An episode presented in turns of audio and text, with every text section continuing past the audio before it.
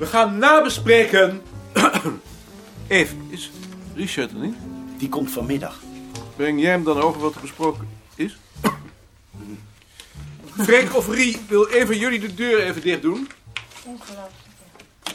Zien. Eh, het belangrijkste wat besproken is, is natuurlijk het efficiency-onderzoek. Het is nu zeker dat er meer instituten zullen worden doorgelicht eh, dan we eerst dachten. Eh, dat had Maarten vorige keer al gezegd, maar het is nu ook officieel.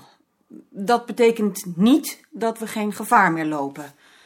Er komt een top van financiële specialisten eh, die de resultaten dan met elkaar gaan vergelijken en die beslissen dan waar bezuinigd kan worden. Er wordt dus vooral gekeken hoe efficiënt we zijn, niet inhoudelijk. Is dat nou gunstig of ongunstig? Gunstig natuurlijk. Het ligt er maar aan wat ze onder efficiënt verstaan. Ja, dat hebben ze niet gezegd. V- eh, Volgende week heeft Balk een eh, eerste contact. Dan komt er iemand om naar de administratie te kijken en naar de financiële gegevens. En dan hoort hij waarschijnlijk ook of ze nog op de afdelingen komen. Eh, zo was het toch? Ja, zo is het. Dus eigenlijk weten we nog niks. Je kunt nog even wachten met solliciteren, Gert. Je denkt nog niet dat Gert nog een baan krijgt als hij hier ontslagen wordt? En dan begon eh, Jeroen Kloosterman natuurlijk weer over een extra kracht voor het bronnenboek. En eh, het schijnt inderdaad dat Balkan beloofd heeft dat de eerstkomende vacature voor hem is. Maar het is nog niet gezegd dat dat de vacature Bavela is, want over haar opvolging moet nog beslist worden. Wordt Pandé dat dan niet? Pandé heeft zijn boekhoudexamen nog altijd niet gedaan. Eh, dat was de agenda. En dan was er nog de rondvraag. Eh, Mark kwam met het voorstel om bijvoorbeeld eh, één keer per maand in de collegezaal een eh, koffiepraatje te houden. Waar iemand over zijn onderzoek vertelt. Balk had daar geen bezwaar tegen als het maar niet langer duurt dan een uur. En, eh, de vraag is alleen hoe de afdelingen daarover denken. Ehm, ik had de indruk dat volkstaal en volksnamen er wel voor zijn. Eh, dacht je ook niet? Die indruk had ik ook, ja. Hij heeft mij al gevraagd of ik samen met hem en iemand van Volkstaal in de redactie wil gaan zitten. Hij laat er geen gras over groeien. Is er iemand tegen? Als het maar niet verplicht is. Nee, ik heb wel wat anders te doen. Dat lijkt me wel lollig. Ja, Lijkt me ook wel leuk. ja. Dus als het niet verplicht is, is niemand er tegen. Zien, eh, dan kunnen we dat aan Mark meedelen. Of misschien kan Frits dat dan wel doen. Mark wil, geloof ik, maandag om 11 uur eh, even bij elkaar komen in de collegezaal om erover te praten. Goed. Maar dat is toch ook niet verplicht, zeker? Alleen wie belangstelling heeft.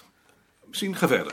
Eh, en dan was er nog het voorstel van Engelien. Mhm. Eh, die heeft zich gestoord aan de manier waarop het cadeau voor Jantje geregeld is. Mhm.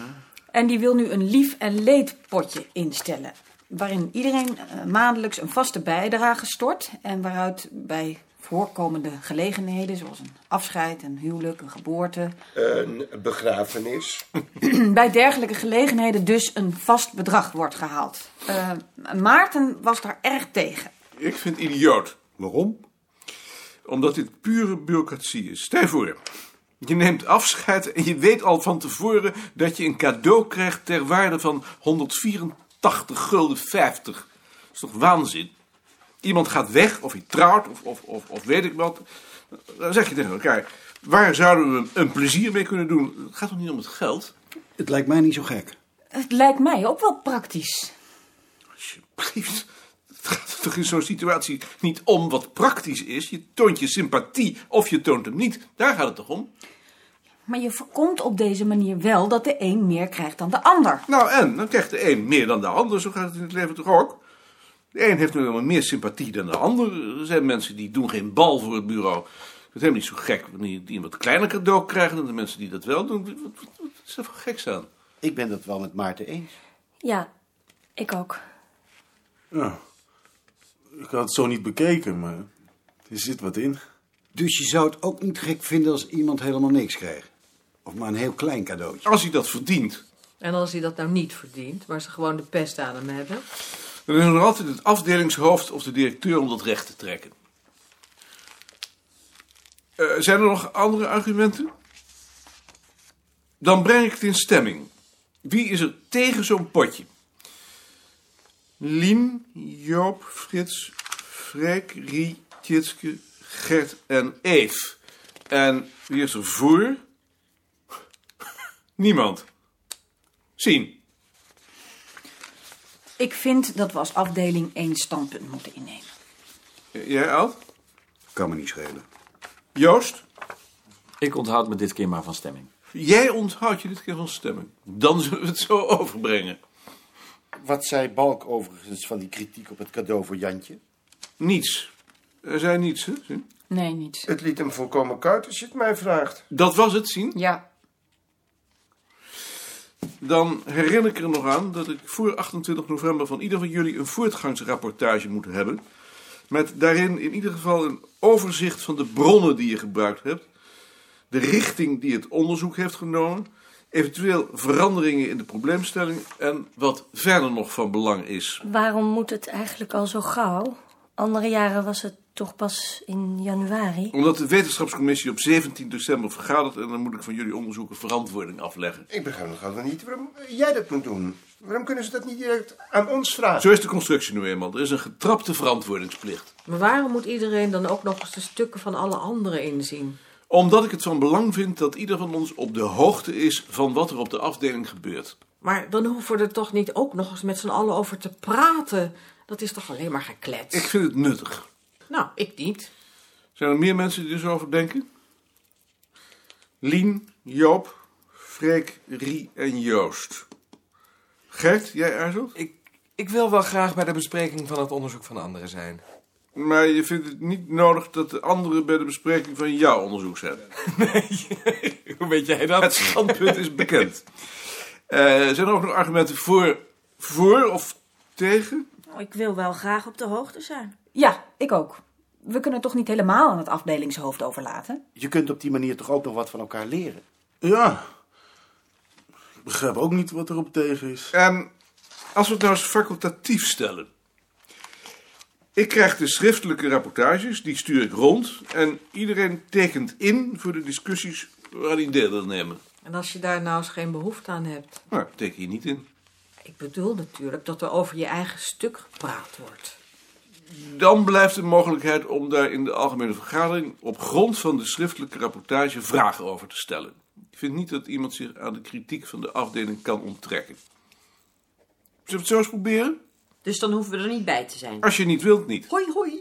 Dan blijven wij lekker in onze kamer. Nou, dat weet ik nog niet hoor. Nou, dan proberen we het deze keer zo. En we bekijken achteraf of het bevalt. De rondvraag. Lien. Joop. Sien. Frits. Freek. Rie. Ad. Tjitske. Gert. Joost. Eve. Niemand? Dan sluit ik de vergadering. Ad, ik zit verder boven. Vanmiddag ben ik er niet. Dan zit ik vanmiddag hier. Gert, Ik meld mij omdat ik bezig ben in te storten. wat mankeert je? Ik, ik heb last van mijn maag. Ik voel me niet lekker. Ik, ik kan het ruiken ook. Doe dan maar een stap terug. En Ga nu naar huis en naar bed. Graag. En zeg tegen Klaasje dat ze je een beker warme melk geeft. Ik zal het doen. Maar vind je wat ik over de schoorsteen zeg nu ook goed? Ja, Heb ik geen eh, literatuur vergeten? voor zover ik kan nagaan, niet? Ik zou het zo maar doen. Jij wilt mij spreken? Kan het even? We hebben haar uitgepraat, hè? Eh, ik dacht van wel. eh, eh, eh, zal ik het nu dan maar in het net tikken? Doe dat maar. Dan gaan we maar naar mijn kamer, Mark. Mark wil mij even spreken. Moet ik dan de camera? Wou je mij alleen spreken, Mark? Voor mij hoeft dat niet. Ja. Ik heb je niet altijd op de hoogte gehouden van de laatste ontwikkelingen in mijn onderzoek. Jij hebt het druk. Ik wou het nu graag even doen. Kan dat? Tuurlijk. Nou, graag. Ik heb namelijk niet zo'n zin om de kritiek van dat mens van de Nooier weer te moeten aanhoren. Begrijp je dat? Je bedoelt dat je niet bij de voortgangsrapportages bent? Als het niet beslist nodig is, liever niet. Dat is jammer. Ik vind één keer eigenlijk wel genoeg. Ik vind het jammer, omdat dat de enige gelegenheid is om met z'n allen over de inhoud van het vak te praten. Dat wil ik met jullie wel doen, maar dan zonder de nooien. Dat kan natuurlijk niet. Dat spijt me, maar dan dus liever niet. Wat zijn die laatste ontwikkelingen? Dat zal ik vertellen. Ja, ik heb uitgerekend dat ik van mijn bron ongeveer één bladzij per uur kan lezen. Mhm. Het is een vroeg middeleeuwse bron. Latijn dus. Ja. En ik heb maar twee uur per dag voor het onderzoek beschikbaar. De rest moet ik aan het werk voor Jaap besteden. Mhm. Dat betekent dus dat ik voor het lezen alleen al een jaar nodig heb. Mhm. Dat vind ik te veel. Begrijp je dat? Dat begrijp ik, ja. En nu heb ik in overleg met Knottenbelt mijn bron drastisch ingesnoeid. Mhm. Daar heb je geen bezwaar tegen? Waarom zou ik er bezwaar tegen hebben? Nee, nee, maar je moet het wel endosseren. In dit geval formaliteit. Ja, maar toch. Was dat het? Eh, eh, niet helemaal. Ja. Ik heb het ook nog met Knottenbelt gehad over die leerstoel van buitenrust Hettema. Ja. Ik heb hem verteld dat er in de tijd sprake van is geweest dat jij hem zou opvolgen. Mhm. Hij was daar niet van op de hoogte en hij is bereid die zaak opnieuw aan te kaarten bij het hoofdbureau. Eh, dat experiment is in de tijd mislukt omdat Buitenrust Hettema geen studenten kreeg. Maar dat ligt nu anders. In de eerste plaats heb jij nu een naam dankzij het bulletin. En bovendien hebben we nu veel contacten met historici en antropologen. Buitenrust Hettema had dat niet. En ik kan dat onmogelijk alleen. Daar heb ik ook over nagedacht. Ik ben bereid vier uur per jaar college te geven. Als de anderen dat ook doen, ben je de helft van het jaar vrijgesteld. Oh. Eh, Knottenbelt was het met me eens dat het met de komende bezuinigingen van levensbelang kan zijn voor het voortbestaan van het instituut. Hmm. Ik neem toch aan dat jij je daar ook zorgen over maakt. Ik zal er eens over nadenken. Graag. Oh, En dank je wel nog voor je hulp. Je hebt het gehoord. Ja. De bezuinigingen zijn in een bol geslagen, als je het mij vraagt. Als het bureau wordt opgeheven, dan vindt Mark geen baan meer. Met die rare ogen van hem. Nee, ik kan niet bij de kerk gaan zitten. Het probleem is dat jij en ik absoluut niet gemotiveerd zijn. Om dat modewoord maar eens te gebruiken. En we draaien er wel voor op. Want aan Mark heb je niks, als het op aankomt. Nee, aan Mark heb je niks. Maar het zou wel in het belang van de afdeling zijn, natuurlijk. Ja. We zullen dus een argument moeten vinden dat daar rekening mee houdt. Een argument om het niet te doen, natuurlijk. Ja. Vind dat maar eens. Ja.